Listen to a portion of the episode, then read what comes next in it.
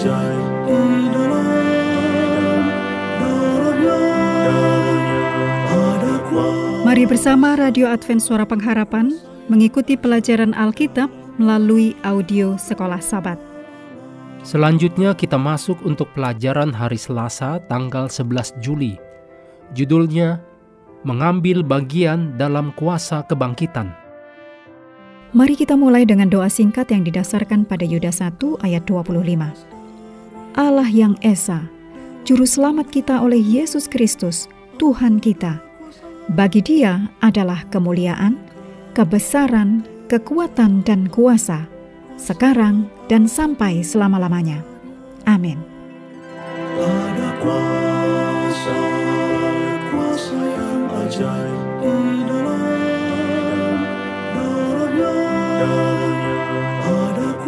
Dalam ayat-ayat selanjutnya dari doa Paulus, Efesus 1 ayat 20 sampai 23, Paulus memperluas topik yang ketiga dari pemahaman yang ia harapkan dibawa oleh Roh Kudus kepada orang-orang percaya, yaitu kedahsyatan kuasa Allah yang Allah lakukan demi mereka.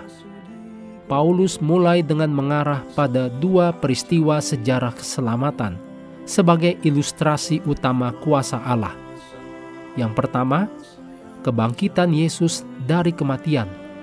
Kedua, Yesus dimuliakan di tahta alam semesta. Demikian ditulis dalam Efesus 1 ayat 20. Bagaimanakah kuasa Allah dinyatakan melalui kebangkitan Yesus? Semuanya dicatat dalam Efesus 1 ayat 20, 1 Korintus 15 ayat 20 sampai 22, Filipi 3 ayat 8 sampai 11, Ibrani 13 ayat 20 dan 21, dan 1 Petrus 1 ayat 3. Kebangkitan Yesus adalah keyakinan iman Kristen yang tidak dapat ditawar lagi. Demikian ditulis dalam 1 Korintus 15 ayat 14 dan 17. Karena Kristus telah bangkit, maka umat percaya yang setia menantikan kebangkitan yang agung di masa depan kepada kehidupan kekal pada saat Kristus kembali. Demikian ditulis dalam 1 Korintus 15 ayat 20 sampai 23. Karena Kristus telah bangkit, maka kita dapat memandang kepadanya sekarang ini untuk semua berkat Injil, termasuk kehadiran Roh Kudus dalam hidup kita. Gambaran bahwa Allah mendudukkan dia, yaitu Kristus, di sebelah kanannya, yang ditulis dalam Efesus 1 ayat 20, diambil dari Mazmur 110 ayat 1. Bagian yang paling sering dikutip dalam perjanjian baru. Semua bagian yang dikutip di sini tampaknya diambil dari pasal Mazmur 110. Kristus yang ditinggikan menempati bagian tertinggi di Efesus. Umat percaya duduk dengan Dia, yaitu Yesus, di surga. Demikian ditulis dalam Efesus 2 ayat 6. Selain itu, Paulus merujuk pada kenaikan Kristus sebagai pendahuluan bagi Kristus yang memenuhi segala sesuatu dan memberikan karunia kepada gerejanya. Demikian ditulis dalam Efesus 4 ayat 8 sampai 11.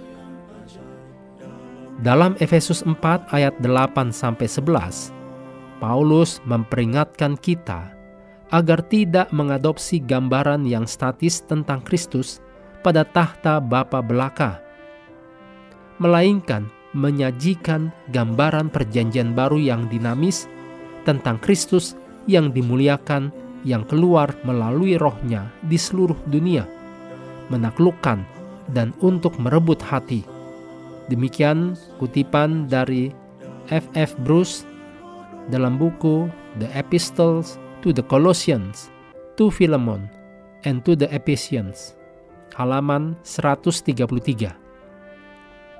Jadi, Paulus menggambarkan Kristus yang ditinggikan atau dinobatkan tidak hanya sebagai ilustrasi dari kuasa ilahi yang ditawarkan kepada umat percaya, tetapi sebagai sumber dari kuasa itu. renungkan bahwa kita membutuhkan kuasa Kristus dalam hidup kita. Dan bagaimanakah kita dapat menggunakan kuasa itu dengan lebih baik? Cermati juga perbuatan apa saja yang masih kita lakukan yang dapat menghalangi kita kepada kuasa Kristus. Mengakhiri pelajaran hari ini, mari kembali ke ayat hafalan dalam Efesus 1 ayat 19 dan 20.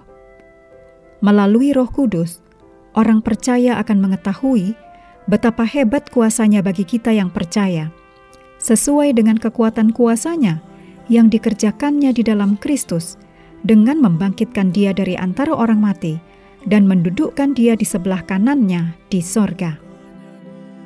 Kami terus mendorong Anda untuk mengambil waktu bersekutu dengan Tuhan setiap hari bersama dengan seluruh anggota keluarga.